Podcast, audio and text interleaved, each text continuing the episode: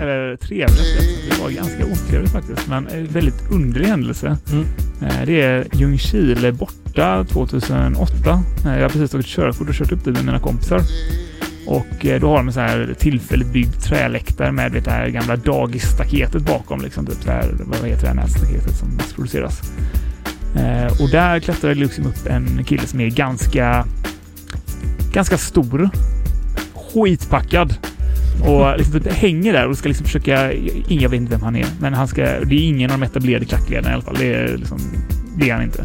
Men han, ska liksom, han får för sig att han ska prova det här då, liksom. men han är för full för att liksom hänga med i tempot. Så han står och viftar och skriker åt folk som sjunger i takt att de ska liksom sjunga efter han. Fel sång, håller inte takten. Det, där, kan, det ser ut som att det är en livsfara varje gång han rör sig, för man bara nu kommer han till ner och slå ihjäl sig. Ja. Typ, alla runt omkring mig ropar till honom bara typ, ja men gå ner, gå ner liksom. Typ, så här, du, du är i vägen liksom. Och han är, han är kvar där, han är kvar i typ tio minuter tills jag liksom, typ, till sist bara typ, men kan du inte gå ner och försöka se på fotbollen? Då flyger killen ner. Bara springer upp till läktaren, ställer sig framför mig med typ så här ansikte, näsa och näsa. Bara, typ, så här, bara, Vad vill du? Ska du ha spö eller?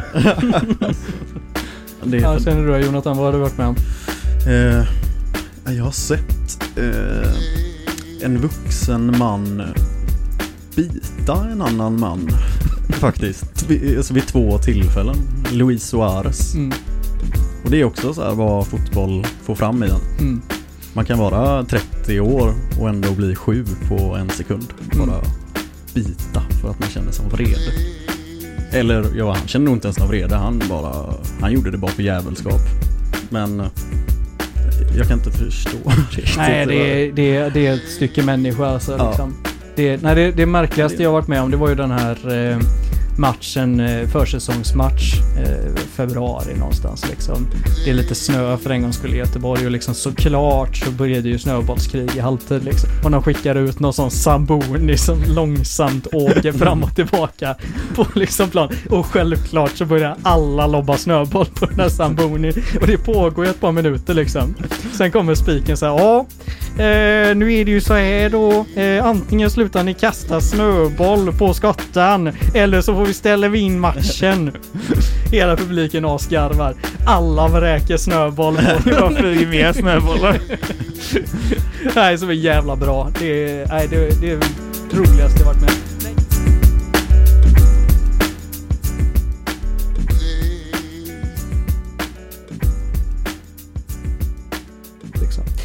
Nej men schysst. Ehm, idag ska vi prata lite om eh, fotbollssupporterskap och hur det funkar med både sett utifrån och inifrån och när man ser på en skärm eller på en match eller hur det funkar liksom. Och eh, vart det kan ta vägen. Och det är väl också lite grann hur det funkar i ens liv när fotbollen får ta lite eh, mycket plats eller eh, för lite plats som det är i år när det är coronaår och grejer liksom. Och med mig så har jag Adrian som eh, håller på en jävla massa och skriver, engagerar sig och har sig och är lika dum som jag är och kollar på Blåvitt. Och så har jag med mig Jonathan också som är lite förståndigare och håller på lite bättre lag så att det blir bra fotboll och någon slags kvalitet och grejer liksom. Det, så kan det vara. Men killar, eh, hur hamnar ni med fotboll? Adrian? Eh, hur lång historia får jag berätta? Ja, nej, kör på du. Eh, nej, men jag har haft ett väldigt eh, skumt förhållande till fotbollen faktiskt. Framförallt som barn. Eh, jag var lite, halvt så här, lite utanför under uppväxten.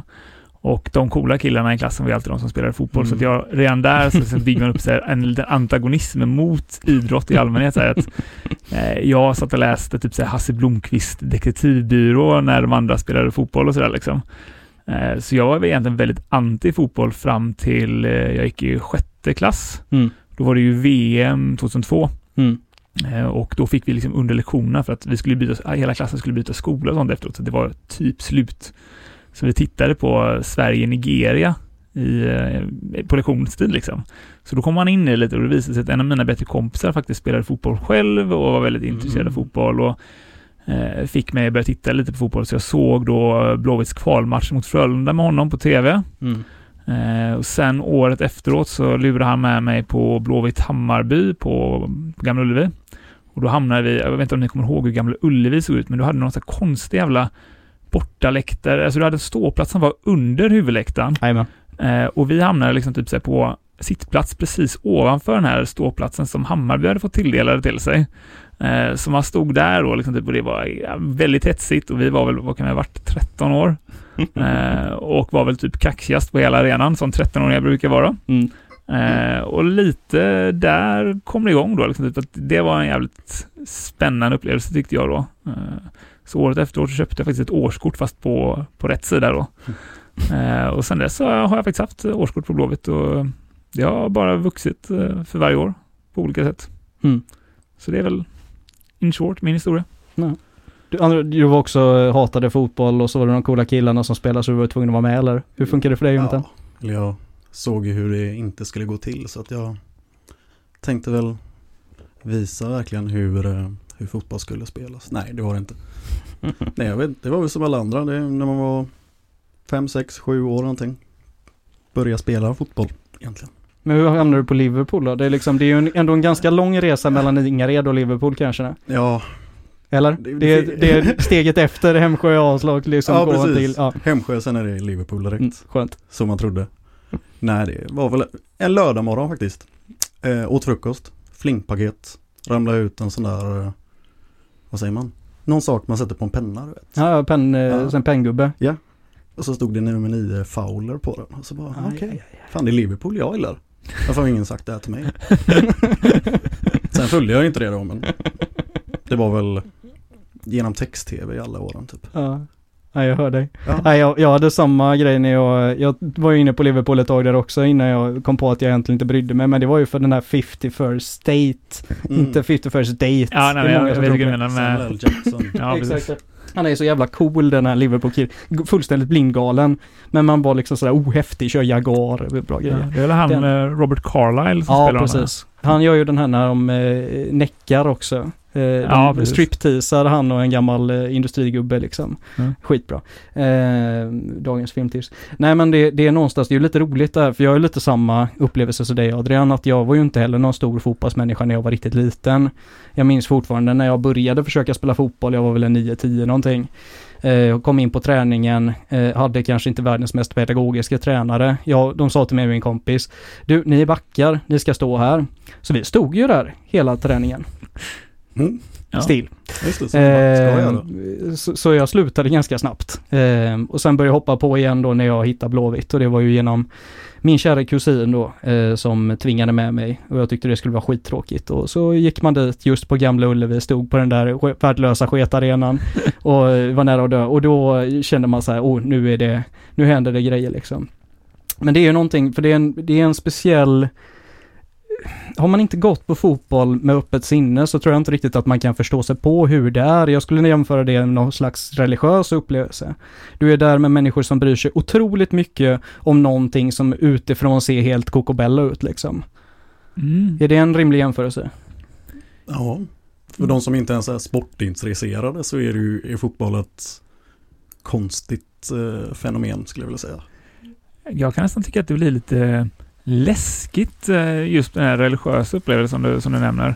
För, för jag, jag har tänkt på ibland liksom att eh, hur lätt man rycks med i Mm. väldigt mycket av det som, som sker på plan och, och, och även på läktarna då liksom. Och att man blir ju nästan fanatisk och så kommer man på sig själv när man går hem efteråt. Man bara, typ, vänta lite, vad, vad, har jag liksom typ så här skrikit efter domaren här då? Nu ska jag erkänna så att jag är väl en väldigt verbal fotbollssupporter av mig också.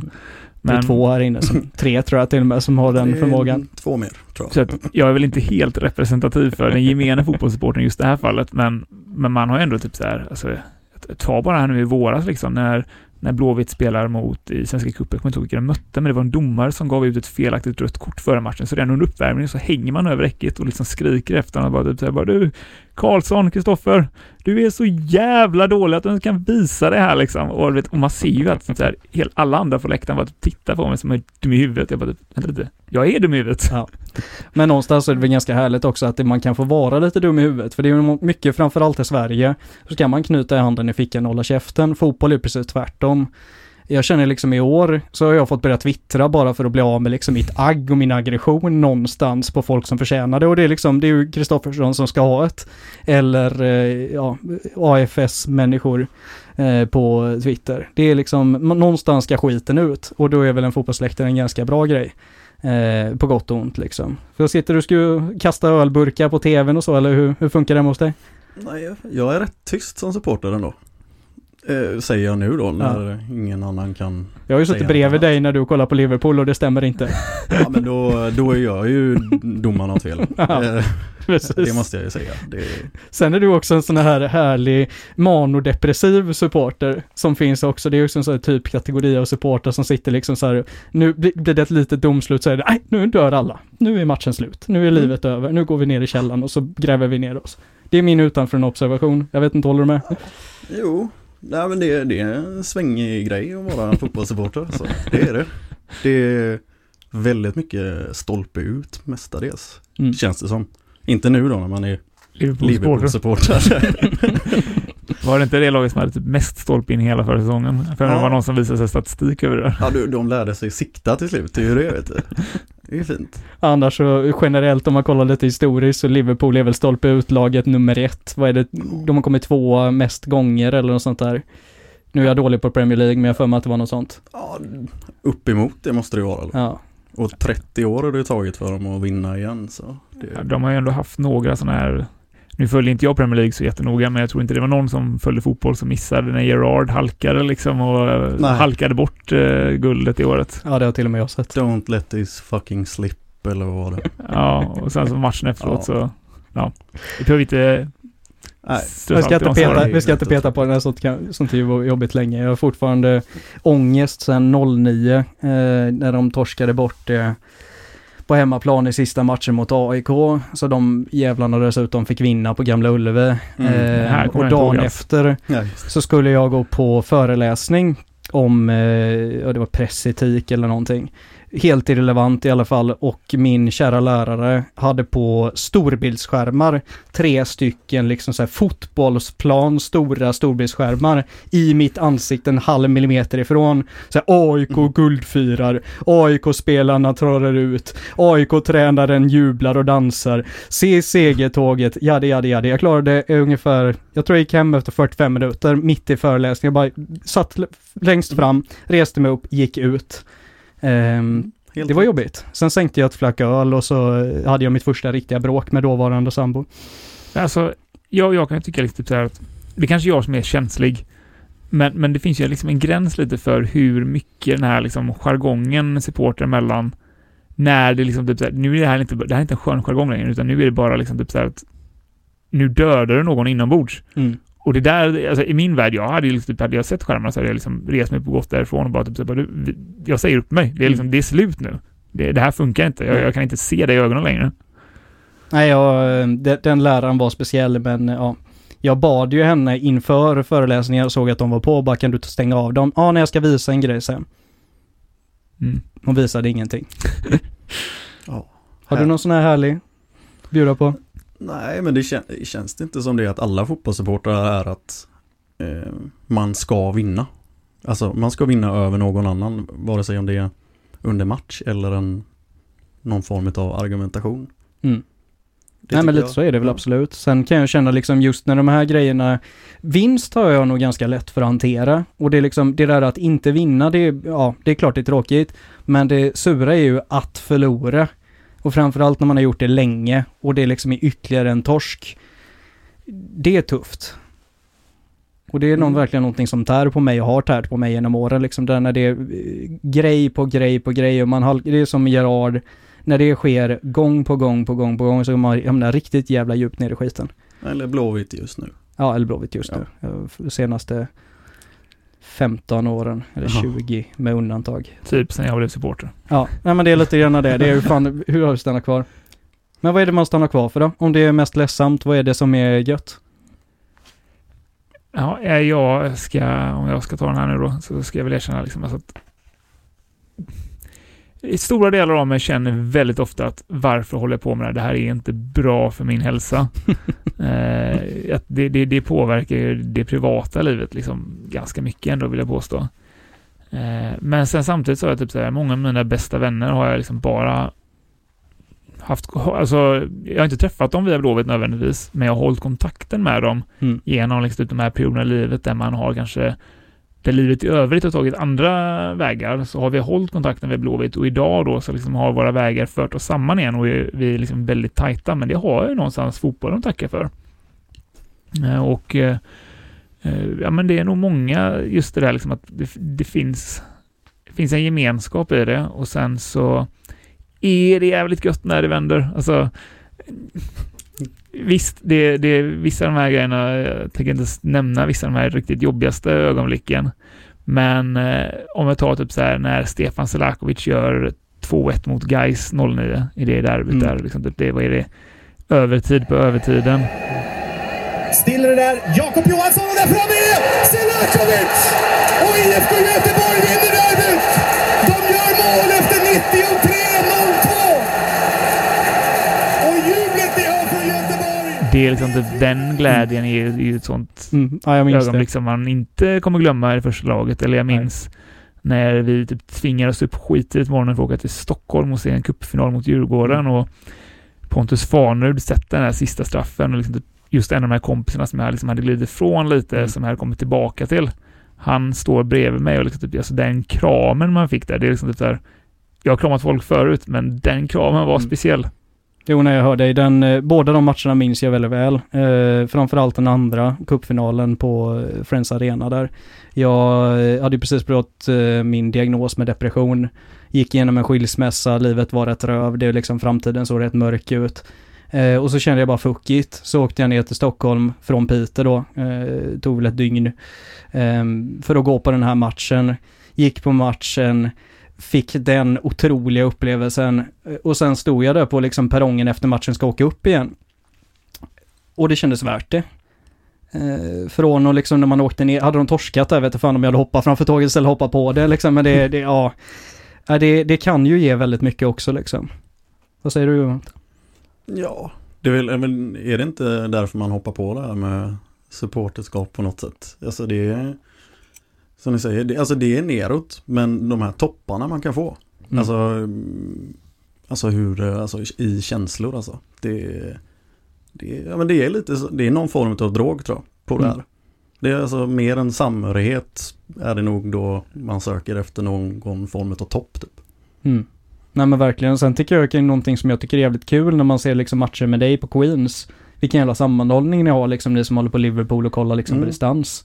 Och det är det som också sticker i ögonen på väldigt många eh, fans här i Sverige så att säga som håller på bara lag i just Sverige. Mm. Och då, är det, då sticker jag i ögonen på dem. Det, det, det kan också liksom tillföra en liten plus i kanten för min del tycker jag. Då. Men, men är det inte det också med just den här eh, gemen, alltså man kan ha en bra dag när någonting gott har hänt i ens liv. Jag menar till exempel, jag vet att eh, du Per nyligen fick reda på att du skulle bli far igen. Mm. Och liksom typ så här, personligt var ju det en jättestor glädje kan jag bara anta. Det fick jag intrycket av att det var också. Men, eh, men det är någonstans liksom så här, det, det är du och det är din familj som har den glädjen. Vi andra är liksom, vi är glada för din skull, men vi liksom känner ju inte samma, eller förstår jag menar? Mm. Eh, Men när liksom typ alla håller på samma lag och liksom typ att man är flera tusen människor som har tagit sig hela vägen. Ta cupfinalen, liksom vi är 5000 göteborgare som åker till Stockholm för att se Blåvitt möta Djurgården där då liksom. Och så vinner de den här matchen och liksom typ alla de här 5000 människorna känner samma eufori. Liksom, du vet att det är inte jag som är glad för att någonting bra har hänt mig här. Alla här Mm. i rummet är glada för att någonting har hänt liksom. Mm. Och den, det är en väldigt speciell eh, glädje kan jag tycka. Liksom, Mm. att man Nej, den, att, den, man hittar ju inte riktigt den utanför fotbollen. Eller jag har inte gjort den i alla fall. Det är alltså, den, den är så kompromisslös. Det är liksom, alla är så här dum i huvudet glada. Jag kommer ihåg 07 liksom när vi väl tog eh, guldet den här regniga oktoberkvällen. Och man stod liksom där och frös och det snålblåste och var underkylt regn underifrån liksom. Alla Göteborg-style. Um, och så går man in och ställer sig vid sidan av planen och man liksom såhär, fan de kommer greja det. Var helt övertygad om att de skulle snubbla in och släppa fem mål eller någonting liksom. Men, men ändå, man, en liten naiv idiot sitter på axeln och bara, nu kör vi. Och man ser liksom den maniska glädjen i blicken på en 45-årig gubbe som står bredvid mig. Då var jag 17, så att därav gubbe. Eh, nu är jag typ snart där också, så att skitsamma. Eh, nej men om vi liksom ser det och vi ser sekunderna parallellt ticka ner liksom och så kommer slutsignalen och vi bara förenas i en stor jävla smällkyss. Sånt händer liksom inte utanför fotbollen. Nej, det är väl typ så här möjligtvis när man tar studenten som skulle Ja kunna fast liksom... fan nej. Men då är det en konstig farbror som gör det istället. Ja, nej. Alltså, kommer du jättemärkligt, du kommer ut Ja, jag har tagit studenten, och så kommer Ja, nu- Gösta bara, mm, va? Nu tänker jag inte en farbror direkt, men jag menar mer liksom att man delar i alla fall med sina klasskompisar eller Jo. övriga studenter beroende på eh, vart man tar studenten. I Göteborg kanske inte är lika skoj för här tar ju alla skolorna på olika dagar, Mm. men åker ner till typ Helsingborg, vet jag för att jag har haft en flickvän därifrån. Eh, nej men där tar ju alla skolor studenter samtidigt, så Mm. alla har den här liksom gemensamma firandet. Alla nattklubbarna i hela stan då liksom har sån här typ festivalband som man har liksom, typ för att alla ska fira sin student. Och då blir det ju verkligen den här liksom gemensamma glädjen. Men det är det enda jag kan komma på liksom som, eh, som jag har varit med om som ändå kommer upp i samma nivå av den här liksom gemensamma eufori. Mm. Det är väl liksom, om man tänker på den första gången man liksom, den största grejen Mm. som man har varit med om. Du vet, liksom, eh, det börjar, men man kommer alltid ihåg bara den sista som störst tycker jag. Mm. På någonting, eh, på, på något konstigt sätt. Men det, ni verkar ändå ha era blickar mot, eh, vad är det? Vilket årtal var det där? 12? 13? Nej men 12 är, 12 är nog min största. Sen är 07 alltid i och med att det är liksom ett allsvenskt. Sen hade jag Ja. ett jävla kanonår eh, 07. Eh, jag hade upptäckt kabaré och att jag ville hålla på med sånt här och, och liksom hade en jättetrevlig flickvän och hela, hela smeten. Men eh, det var ju guldet som var det som jag kommer ihåg liksom. Mm. Och Jag var till och med på matchen. Det, back in the days var jag också Nej, men- blåvitt Det var fan inte jag och det är en sån grej som jag verkligen grämer mig över. Det förstår jag. Vem var det? General Thomas? Eller? Hur, hur, hur kan du, förlåt nu måste jag bara, va- hur kunde du inte vara på matchen? För jag hade också en eh, flickvän som jag tyckte var väldigt trevlig på den tiden. Och eh, under sommaren där efter att, och det var hon som var från Helsingborg för övrigt. Eh, Men under sommaren när vi var hemma hos henne i Helsingborg och Blåvitt hade spelat typ 0-0 mot Helsingborg och låg 8 när serien vände. Så började man ge upp där lite om en, en bra höst och hon bara typ, men ska vi inte åka någonstans? Så tittar man där typ att, ja men det fanns en här sista, eller inte sista minuten, men det fanns en ganska billig resa då till typ Nice. Eh, där den 27 oktober tror jag det var vi skulle åka. Så tittar jag, för det är ju så man, när man är dum i huvudet som jag är, så tittar man ju liksom typ så här, varje gång jag bokar in en resa så tittar man i det allsvenska spel- spelschemat, bara krockar det. Så bara, ah, jag missar bara en betydelselös match mot Trelleborg. Mm. Den är väl ingen som orkar se ändå liksom. Typ, så vi bokar den jävla resan och sen så typ så här, när det kommer närmare och närmare så inser man väl lite den här matchen kan nog bli rätt viktig. Direkt avgörande. Ja, eh, så att jag, jag satt där på en strand i Nice liksom typ här, och det var ju innan man hade mobildata och sånt liksom typ så att min polare då skulle, hade ju lovat att han skulle ringa mig med, med hur det gick då. Men han var ju som alla andra där helt upptagna med att dels ha Ja. fingrarna bortfrusna, men också med att typ så här frysa bort dem ännu mer genom att bada i Poseidon och grejer liksom. Så jag fick inget sms därifrån liksom. Det, det var inte på tal om, så jag fick ju ringa till min morfar och bara typ så här, bara, kan du kolla text-tv? Hur gick det egentligen? Ja, nej, det Ja. var... Du, Vad gjorde du fint den kvällen då? Fint, var på fint duggregn inne på planen där förmodligen. Mm. Eller det vet jag. Det, man vaknar väl upp där måndag morgon med gräs i fickorna och sånt. Jag vet inte Ja, ja, varför. det, man ville förmodligen ha med sig gräset från planen. Det, Ja, vi Ja. pratar gräsmatta. Ja, precis. Ja, just det. Förtydligande. Ja, nej, det är underbart. Jag träffade en kille som också var med i kabarén inne på planen och han hade liksom voltat över staketet och gjort faceplantat precis innanför på de här löparbanorna. Han var helt blodig och överlycklig. Jättemärkligt att se någon som ser så här brutalt nedslagen ut som bara så stor smilar och studsar. Jag, man trodde ju han hade hjärnskakning liksom, men han bara så, nej, nej, nej, nej, nej, nu ska vi fira. Ja, så kan det gå. Men det är lite roligt det här med just att vara en fotbollsidiot för att det är ju inte bara inifrån som eh, man kan se det utan det, man får en hel del reaktioner när man i alla fall har jag fått det när man säger att eh, man eh, tittar på fotboll och, och är en fotbollssupporter. Jag vet inte vad ni för erfarenheter av det, Jonathan? Ja, jo men det är väl för man känner ju någon, några som inte liksom är eh, men sportintresserade. Men Mm. eh, om vi ska ta fotboll nu då så, ja men man har väl hört det. Att, vad är det, 22 killar springer runt efter en boll. Det är väl den främsta man hör kanske. Mm. Ja, man blir trött på det liksom. Mm.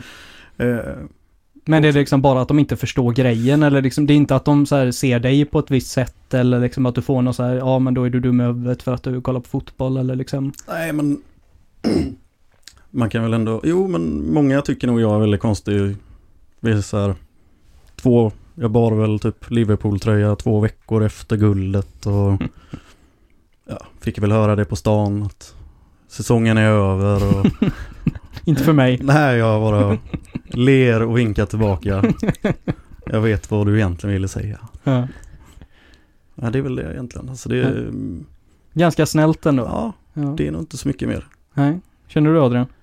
Jag vet inte om det är mitt huvud eller så, för jag skulle nog ändå säga, nu har ju det med åren blivit att det är mer och mer uttalat att man är en Blåvitt-supporter i och med att eh, skriver ganska mycket om fotboll och så också. Mm.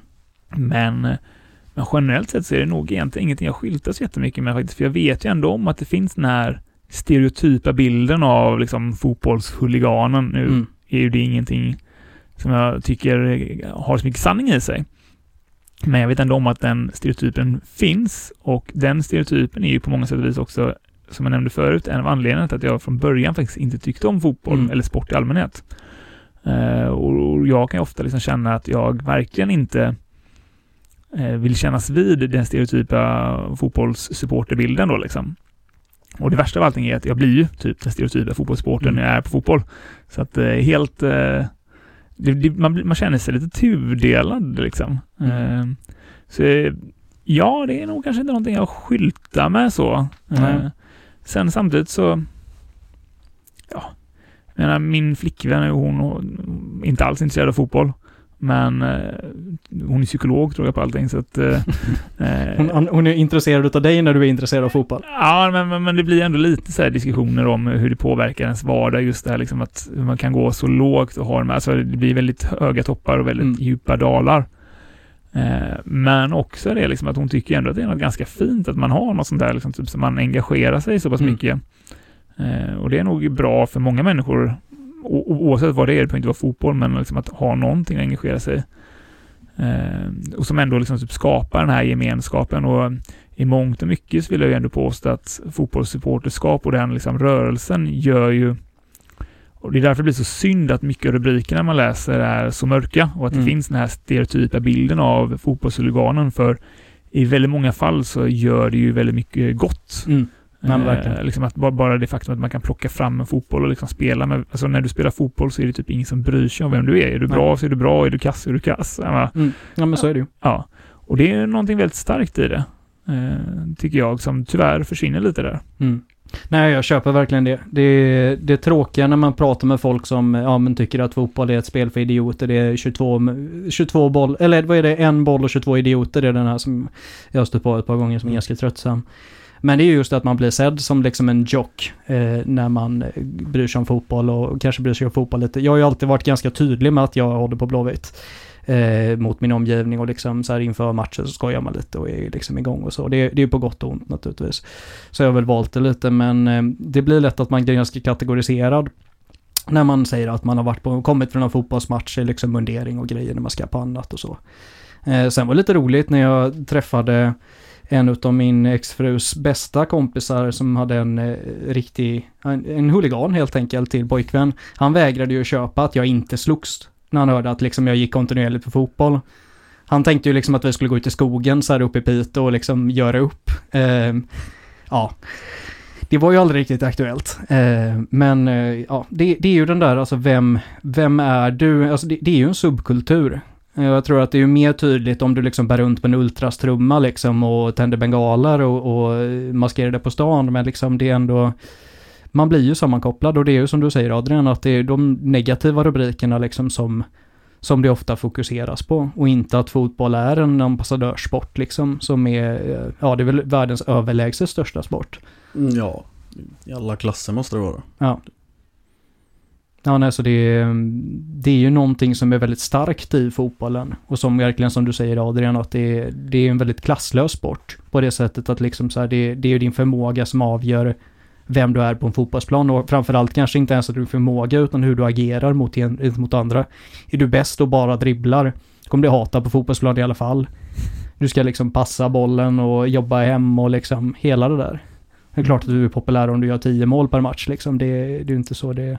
Men och, oftast är det ju svårt att dribbla sig till 10 mål per match eh, om man möter hyfsat vettigt motstånd. Nej, men sen så, nu, nu är jag ju färgad som fotbollssupporter, men jag kan tycka att det är lite synd att, eh, och det är min åsikt då, men att fotbollen får ta väldigt mycket kritik för någonting som jag i alla fall ser som ett samhällsproblem. Mm. Eh, samtidigt som den får väldigt lite beröm för liksom någonting som den faktiskt bidrar med till samhället. Eh, och nu är det min högst eh, här, personliga empiriska undersökning här nu, men att tittar man till exempel på fotbollslag då som har huliganer så ser du det liksom att okej, men de städerna som inte har fotbollslag men som ändå är tillräckligt stora städer för att ha hyfsat stor befolkning, Mm. de har ishockeyhuliganer istället. Mm. Eh, typ så här, och- tar Göte- Göteborg till exempel. Frölunda har ju väldigt lite problem med stök under sina matcher. Mm. Eh, och jag tror inte det är för att ishockey är en snäll sport, utan jag tror att det är liksom för att de som vill, alltså det, det finns nog en del av befolkningen som alltid som har det behovet liksom att stöka. Mm. Och de söker sig till andra och i en, runt ett lag som IFK Göteborg som har så många supportrar så finns det liksom, även om de bara är en procent, så kan de bli en stor grupp med den procenten av den stora mängden supportrar. Mm. Men åker du till typ Linköping som inte har ett fotbollslag, då har de faktiskt ishockeyhuliganer istället, eller Mm. Karlstad eh, runt Färjestad. Och man ser det liksom att de behöver egentligen bara en samlingspunkt. Mm. Eh, men att det här inneboende liksom behovet av att leva rövare tror jag liksom finns där ute. Och sen så liksom kondenserar det runt fotbollen. Och det är Mm. inte liksom ett, så som jag ser det som sagt då, jag, ser det inte som ett resultat av fotbollen utan fotbollen är väl snarare liksom samlingspunkten runt Mm. det. Nej men jag, jag är helt med dig och jag tror ju mycket där ligger i att det kommer alltid finnas en grupp unga män framförallt. Nästan uteslutande, helt uteslutande. Eh, som vill fightas. Sen om de fightas runt politik eller runt fotboll eller runt hockey eller runt baseball eller vad det nu är för någonting spelar inte så stor roll utan det, de vill fightas och fightas mot några andra. Och då behöver man vänner och man behöver en fiende och då är liksom tacksam, fotbollen tacksam. Jag tänker ju, många säger ju framförallt de som har ganska liten koll om man ska vara lite fördomsfull, vill ju ha det som England. Hur är det i England Jonathan? Med, eh, Med fotboll och huliganism och våld och grejer. Liksom det har ju hänt mycket sedan 80-talet. ja, sen skrivs inte det lika mycket om det längre. Det, Men har Det- folk slutat bråka eller vad är nej, det, jag tror att de har tagit det ifrån eh, de synliga delarna mer. mm. Det, är- det är väl främst det. Sen är det väl, skriver man inte om det ger man dem heller inte någon uppmärksamhet. Nej. Som man gör i Sverige, skriver väldigt mycket om det. Som ni sa innan med negativa saker. Bara ständigt negativt egentligen. Eh, Mm. Och riktar in sig på det. Och det är egentligen då som kan vara liksom ett samhällsproblem mer än bara för sporten. Mm. Men i England, givetvis finns det där, herregud. Det är, det är inte många vettiga personer som, som går där och håller på fotboll. Fotbollslag alltså. Sen är det väl också den här grejen just i England som jag kan reagera lite grann på om man jämför med den svenska fotbollen då. Eh, I och med att det är så pass mycket dyrare. Eh, jag vet att säsongskort kostar väl tre, fyra gånger så mycket som i Sverige. Något sånt. Ja, Ish. fan. ja, men vi kan bara se till vad typ Arsenal tar i em, som en match. Är inte det typ så här eh, tusen svenska kronor? Mm. Nu vet jag. Nej men Nu precis. sa jag bara något. Då blir det ju helt plötsligt så att liksom, då är det ju en klassfråga. Ja, Och det blir ju mindre bråk utanför arbetarklassen om man kollar lite grann enligt siffror och statistik och grejer. I alla fall som är synligt på det sättet. Ehm, och det är också en sån grej då som man tycker liksom så här att man gör samma grej i Sverige men då tappar vi ju typ hela publiken. För det är ju någonstans en arbetarklasssport. I mångt och mycket. Och en medelklasssport. Ja.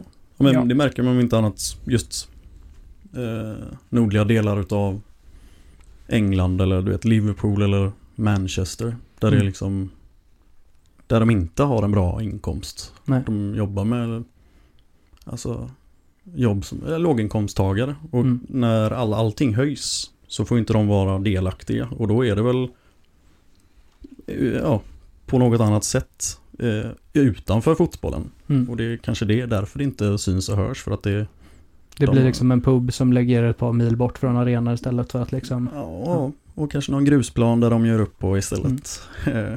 huliganerna. Jag Ja. vet inte. Det, Nej, det kanske det, är väl det, det är väl det vi kommer till mer och mer i Sverige också, att man, i alla fall de organiserar, jag är ju skillnad lite grann på, på huliganer som, som har sina firmor och organiserar och åker just till en grusplan och sparkar skiten i varandra. Eh, och de som liksom spontant slåss. Eller kasta bengaler på läktaren, det tycker jag är en jävla skillnad. Sen är ju inget utav det kanske kanon och någonting man borde pyssla med, men det är ju ändå en, det är ju ändå en viss skillnad. Jag tror att man kommer åt det på väldigt olika sätt. Och jag tror ju helt och hållet att det här med att höja biljettpriser och köra engelsk modell och inga ståplatser och sånt. Det är ju bara att man tar bort ett element i fotbollen. Och jag tror att direkt, speciellt för svensk fotboll, så är det ju det elementet som man går för. Jag menar liksom, jag var ju inte där och fastnade, ja men jag började också 02-03. Det var ju inte den briljanta fotbollen som man liksom såhär bara, oh jävlar vad höll är sexig. Rrr. Nu ska jag gå hem och öva mig på träben och sparka bort bollen på så att fiskmåsar trillar ner liksom. Utan det var ju läktarupplevelsen. Och tar du bort ståplatsen, då dör ju den.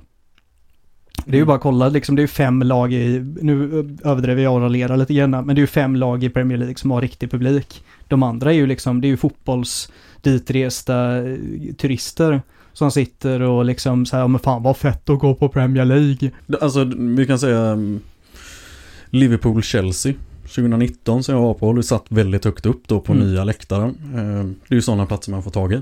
Mm. Det är någon annan som har årskort som Mm. säljer på sitt sätt. Och då är det ju liksom, man sitter på rad 89 av 93 någonting. Alltså det tar ju ett tag innan liksom stämningen förflyttas på arenan så att säga. Mm.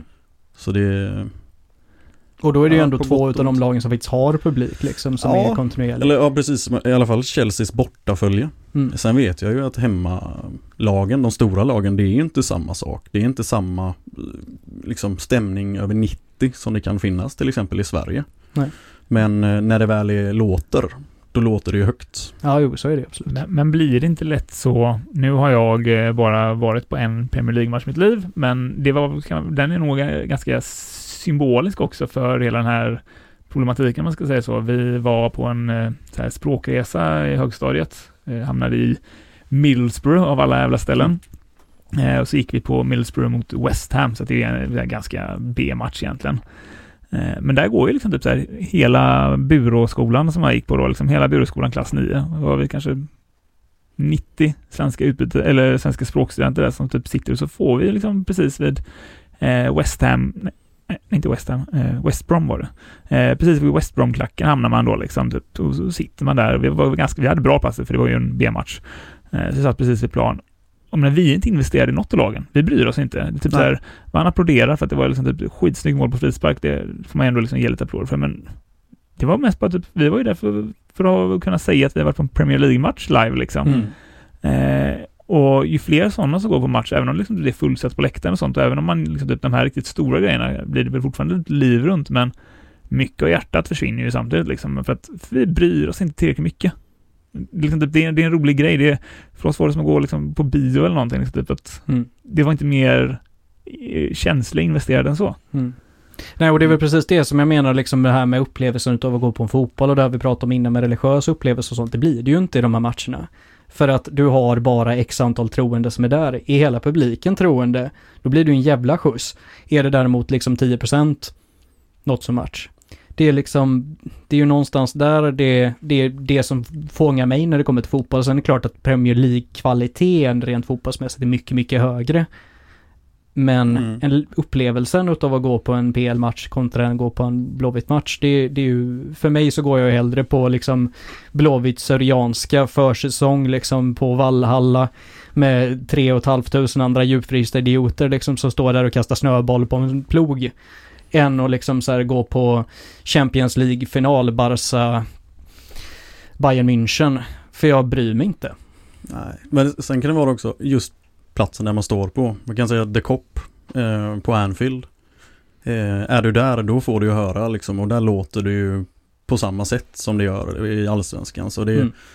Men tyvärr är det då de många andra delar av stadion är mer eller mindre tyst Mm. på det sättet. Men det, det kan det väl också vara på familjeläktaren kan jag tänka mig på, Ja. på Nej men så är det absolut. Sen är det också det där bryr man sig så bryr man sig och då blir det ju häftigare liksom. Det är ju sen, jag har ju inte varit på någon PL-match men jag har varit på Bundesliga och varit nere i Berlin och kollat på när Hertha spelar och det är väl Där- mitt. Det är en annan sak. Det är en annan Ja. grej. Där står ostkurve med liksom så här 20 000 packade tyskar som dricker Mm. Glühwein och liksom bara så här kör. Det är häftigt. Och det är ju någonstans där, det är ju allsvenskan 2.0 även på publi- publiksidan. Sen är det ju lag och lag naturligtvis men Men där, Ja, det är där häftigt. kommer ju ändå folk liksom, många bor ju inte i städerna. Nej. Och de åker ju in Mm. och för att göra det en dag så kan de ju liksom, de tar sin tid innan. Alltså de åker till arenan direkt och sätter sig där. mm, Dels för att det, det är billigare att gå där och det finns billig bärs där med och det är ju bärsen och fotbollen de vill ha. ja, ja absolut. Och gemenskapen. Och skrika. Ja, och skriket. Och äta korv. Och äta korv. Om, om man ska dra en liten referens här nu, för nu har vi nämnt det här med det heliga flera gånger också. Eh, liksom religiösa upplevelsen.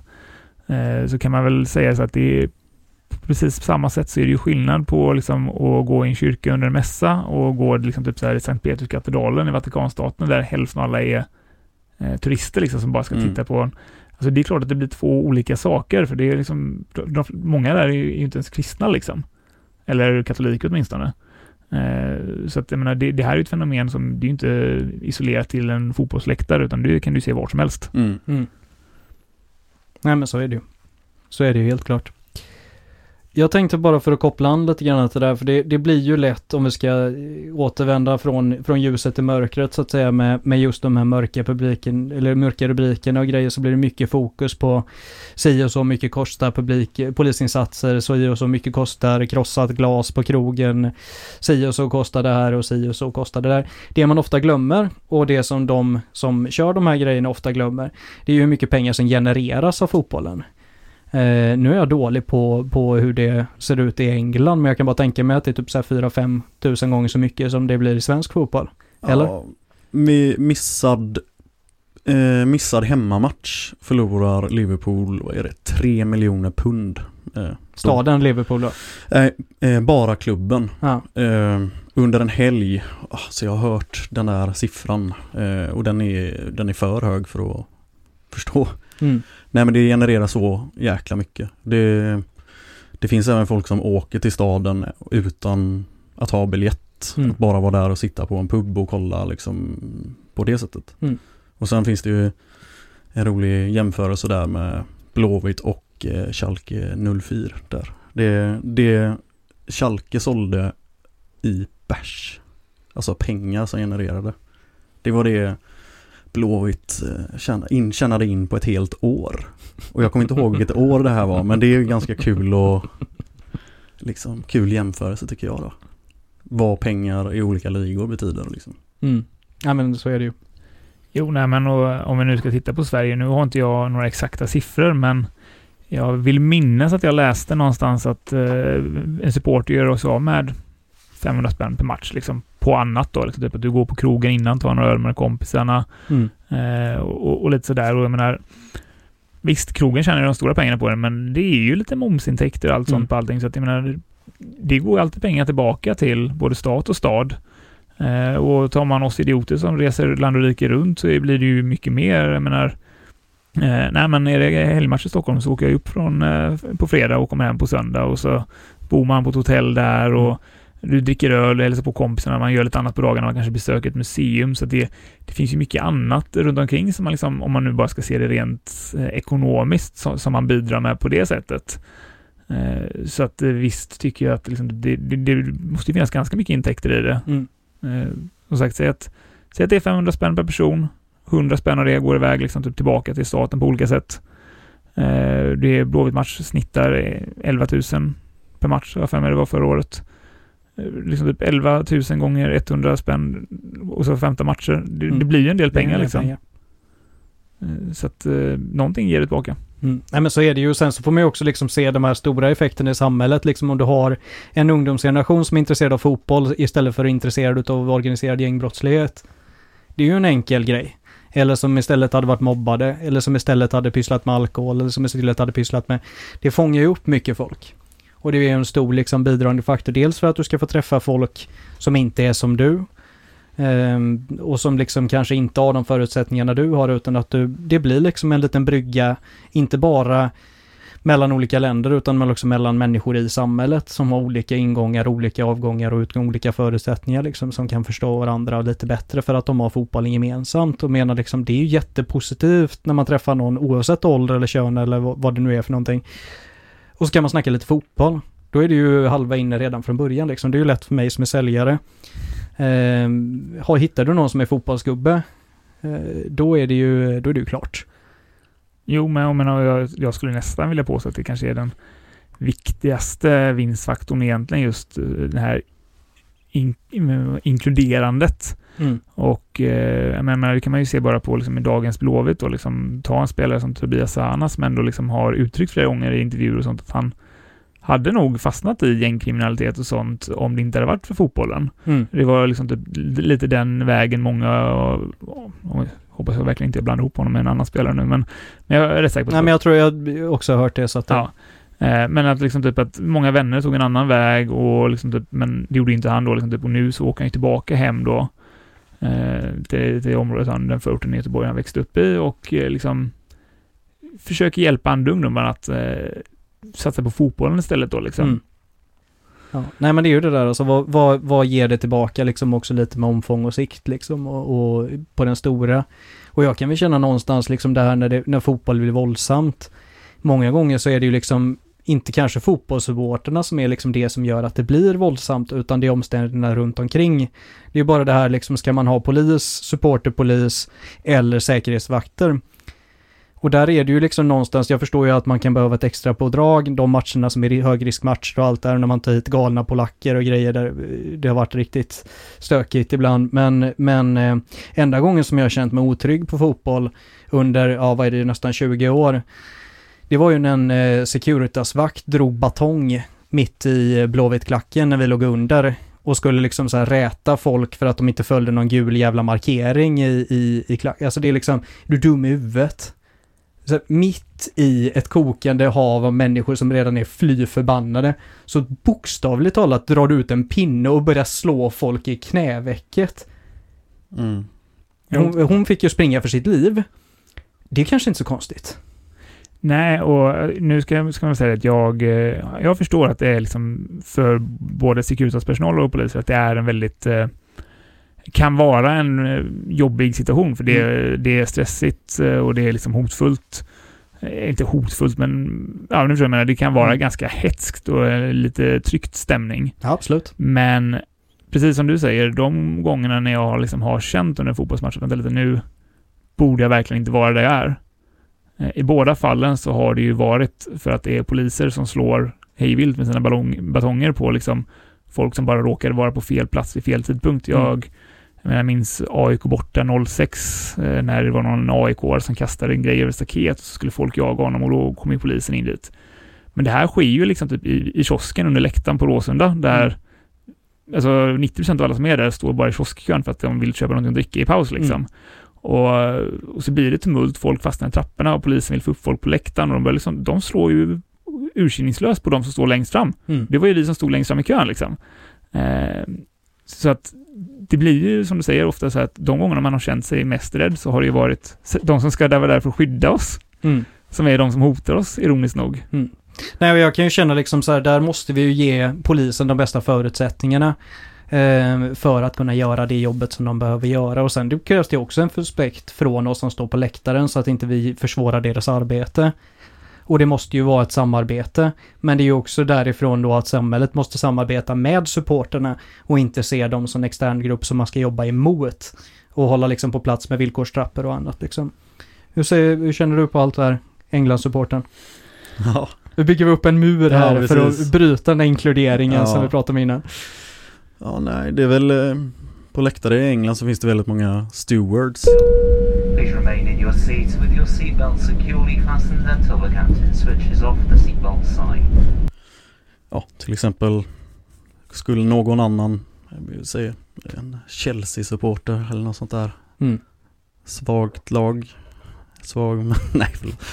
Eh, skulle, ja, men, skulle ha en, en hood-tröja och sen bara du vet dra ner den och visa sin tröja bland Liverpool-supportrar. Mm. då är det ju alltid någon steward där direkt och eh, då får man lämna matchen. Så det är Mm. ingen som gör det. Alltså mm, de betalar också dyra pengar för att gå. Mm. Kostar lika mycket för dem som för oss liksom. Men eh, alltså man, man ser inte det så jävla mycket alltså. Det, det är inte så mycket. Det är, Sverige är vad jag tycker eh, värre än England på det. Mm. På det jag sett på mest på tv så att säga. Men Mm. jag ser ändå liksom sjukt många matcher från Premier League eh, varje år. Så att om det tänds någon bengal så liksom då är det kanske nu då som de gör i Sverige va. Det är väl i paus eller är det innan? Kanske Det under Kanske är lite när som liksom, men det är ju Ja. vanligare är ju att det är under. Mm. Kan ju vara lite fyrverkeripjäser som går av i alltid Ja. också och grejer och sånt. Så det, Sen är det för att det kanske är andra läktare också. Det är, det är ju det liksom. Så, men alla står ju upp. Men det är ju räcken överallt mm. som Så ska vi säga, vad jag har förstått som, nu följer inte jag Premier League så noga, men straffen där känns ju i mångt och mycket nästan medeltida. eh, Men det är väl liksom, det är inte det att ja, nu får du inte gå på fotboll på några månader, utan du blir väl avstängd liksom i, på livstid i princip om du eh, skulle råka bränna av en bengal och eh, om inte, rätta mig om jag fel nu, men det kan väl till och med vara så att man måste liksom anmäla sig hos polisen när det spelas match liksom. För I att- Italien va? Ja, det har funnits i England med. Har Men det det är, det är ju då när du har begått något våldsbrott Ja, alltså, av något slag. Nej, men det, det är egentligen främst det. Okej. Eh, men, Men- men- bengal är ju, det är ju grova böter. Men det du sa där med att man ska infinna sig hos polisen, det klockslaget, det stämmer. Nu vet jag inte om det finns kvar, men eh, det har funnits. Mm. Finns säkert. Sen tror jag också många gånger att om man kollar liksom just på lite internationellt och när det kommer till liksom framförallt kanske mer våldssidan och sånt. Alltså det är många gånger som kanske fotbollen bara blir ett uttryck och en anledning till att bråka. Jag menar liksom ta Lazio Livorno som är liksom matcher där folk har dött och blivit knivskurna och allt möjligt liksom. Det har ju kanske mer att göra med att liksom det stora fascistsättet i Italien liksom ligger just i Lazio. Och största kommuniststätet eh, ligger i Lazio, eller i Livorno. Så det är också liksom, då har du ju en inneboende motsättning där från liksom hela Mussolini-tiden och liksom när det i stort sett var inbördeskrig i, i eh, Italien och grejer liksom. Och så för du över det kanske en generation eller till och med samma generation och så ska de mötas på en fotbollsläkt. Alltså det är ju liksom lite inbyggt för att det inte ska bli så käckt. Ja men där är väl de, de yngre. De föds ju in i detta. Mm. Alltså du är tvungen, om du är del av den familjen eller låt oss säga vår familj, då ska du vara sån här. Men det är ju en annan, alltså fotboll är ju något, om vi tycker fotboll är stort så är det ännu större i Italien. Mm. Så, och inte bara av supporterskapet för fotbollen utan politiken runt omkring. Mm, nej men verkligen, så är det ju. Och det är ju också en annan koppling kanske än vad vi är vana vid att se. Jag menar liksom här så får man böter om det står en banderoll på ryska Ja. eh, i eh, Italien, not so much liksom. Ja, nej. Och det är ju, ska jag säga, så att det är ju absolut inte bara i Italien. Jag menar, tar du Spanien så har du lite samma problematik där. Liksom, du har eh, Franco-regimen i Madrid och så, så kontra då liksom Katalonien som vill ha självständighet mot Mm. Barcelona och, och så kommer Basken in i allt det här. Liksom, Mm. typ som, Bara baskar i landet. ja, det är väl Bilbao som bara, Ja. du måste vara född i Basken för att få spela i klubben. Liksom. Mm. Eh, Så där har de liksom lite samma motsättningar eh, på många sätt och vis. Och det är ju i många fall, som du säger, liksom det är ju politiken som... Folk gillar att säga att politik och fotboll inte hör ihop, men i jättemånga fall så är det precis tvärtom. Att Mm. fotbollen blir ett uttryck för politiken. Nej, så är det ju.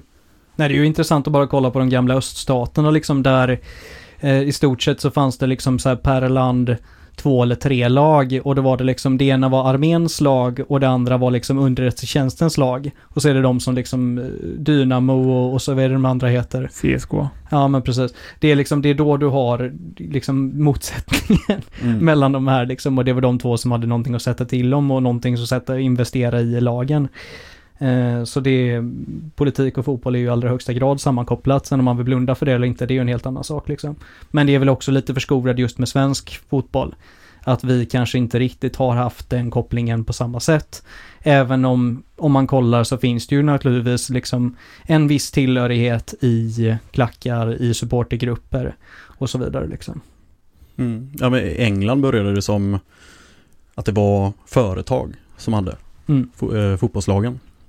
Till exempel. Och man fick Ja. inte tjäna pengar i, eh, i laget utan man skulle vara arbetare och Mm. få spela fotboll. Åh, den här A, A Gentleman's Game heter den va? Den här eh, skitbra serien. Ja, där visar de det Den är väldigt, väldigt bra. på ett väldigt bra sätt hur det var liksom. Ja. Så det, det är liksom, det är ändå fräckt hur, eh, liksom hur det har, har blivit men det är väl har inte ändrats så jättemycket ändå. Men egentligen så är det väl fortfarande ganska mycket företag. Just när det kommer till England. Så är det liksom lite, men lite som med amerikanska fotbollslaget, lägen att det liksom är väldigt mycket sådär en produkt som ska ut och så har du en målgrupp kanske mer än när det är som Blåvitt och en medlemsförening som liksom är tydligt så här fansbaserad eller supporterbaserad eller medlemsbaserad då, där liksom du ska leverera gentemot dina medlemmar snarare än gentemot dina eh, sponsorer och liksom, ja. Red Bull.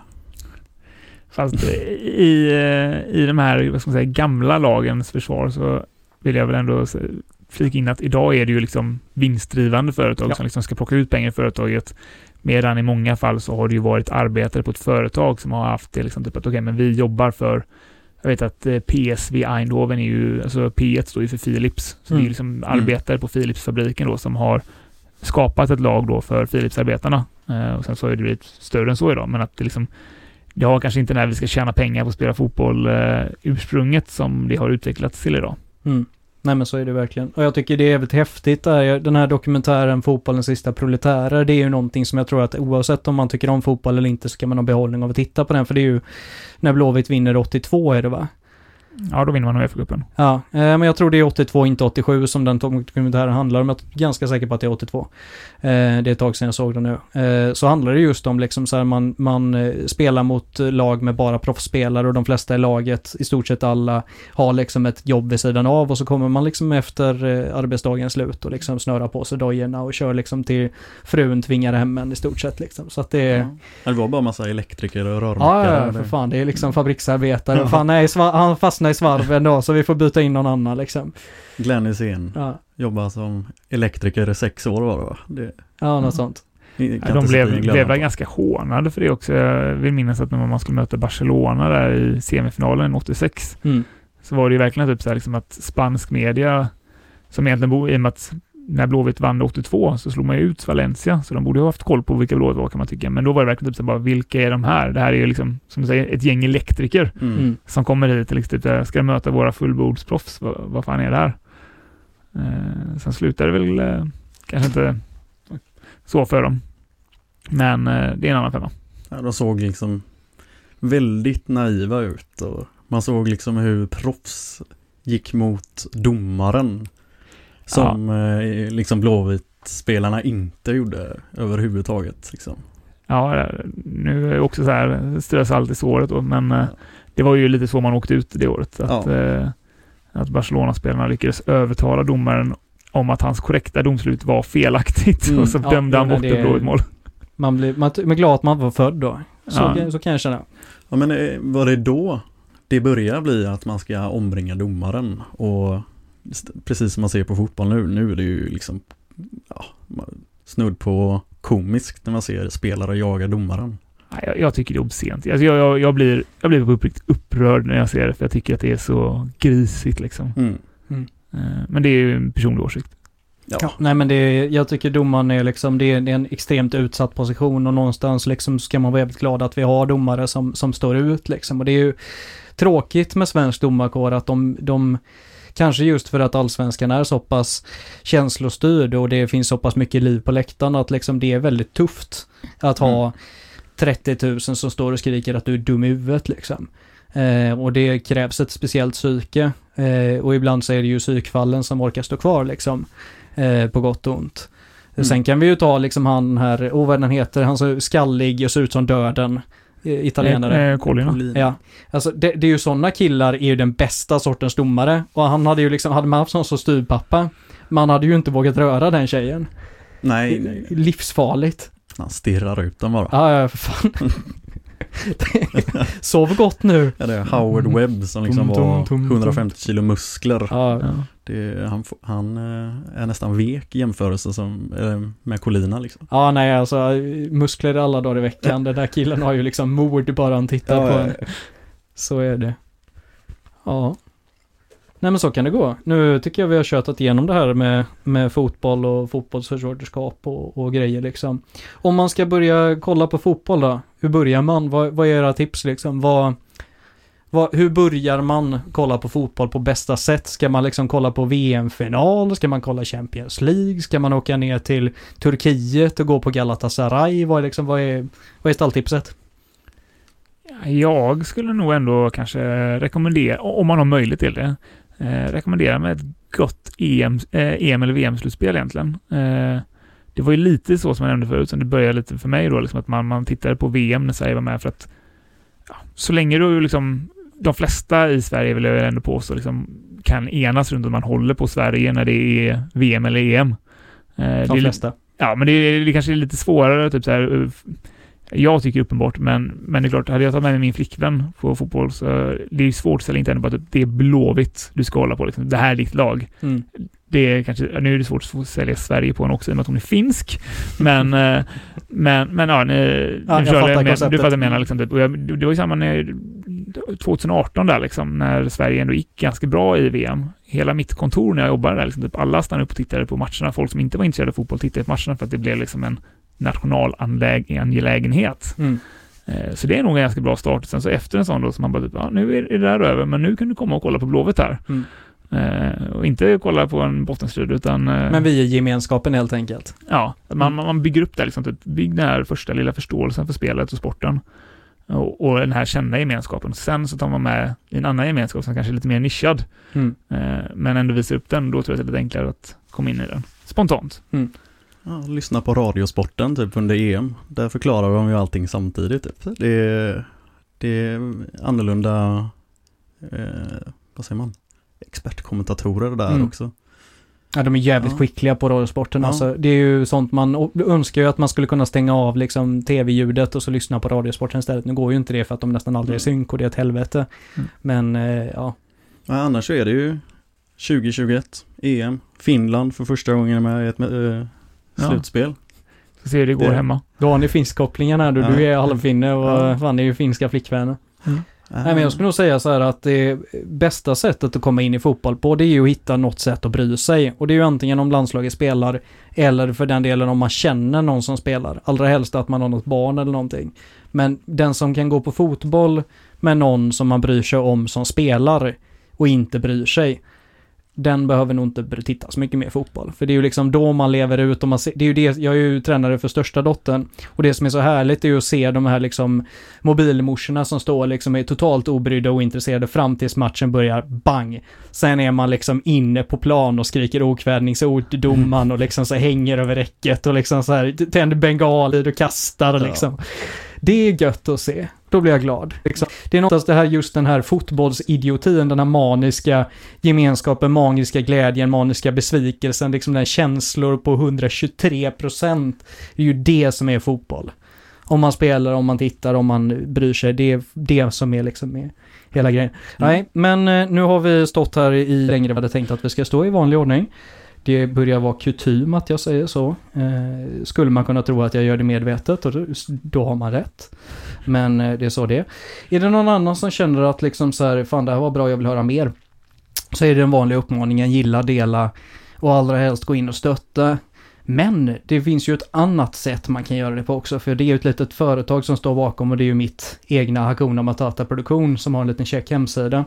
På den lilla checka hemsidan så finns det en liten funktion som heter poddakuten och den är ju till för dig som vill starta en podd eller har startat en podd och vill ta lite stegen oavsett om det egentligen om det är innehållsmässigt eller om det är inspelningstekniskt eller du vill ha liksom, du vill kanske till och med ha det klippt. Så att det finns lite alla lösningar så att in där och kika på vad det kan vara för någonting eller tipsa en kompis som eh, går i poddtankar. Det behöver inte vara så jävla krångligt men som vi diskuterade här innan, låter det för jävligt så stänger folk av.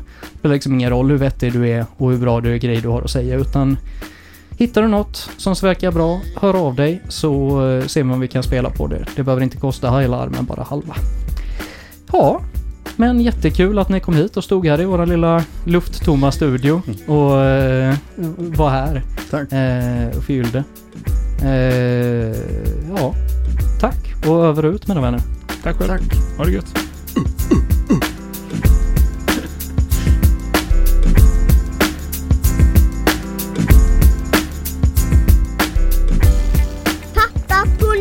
karaktärer produceras av Hakuna Matata Produktion.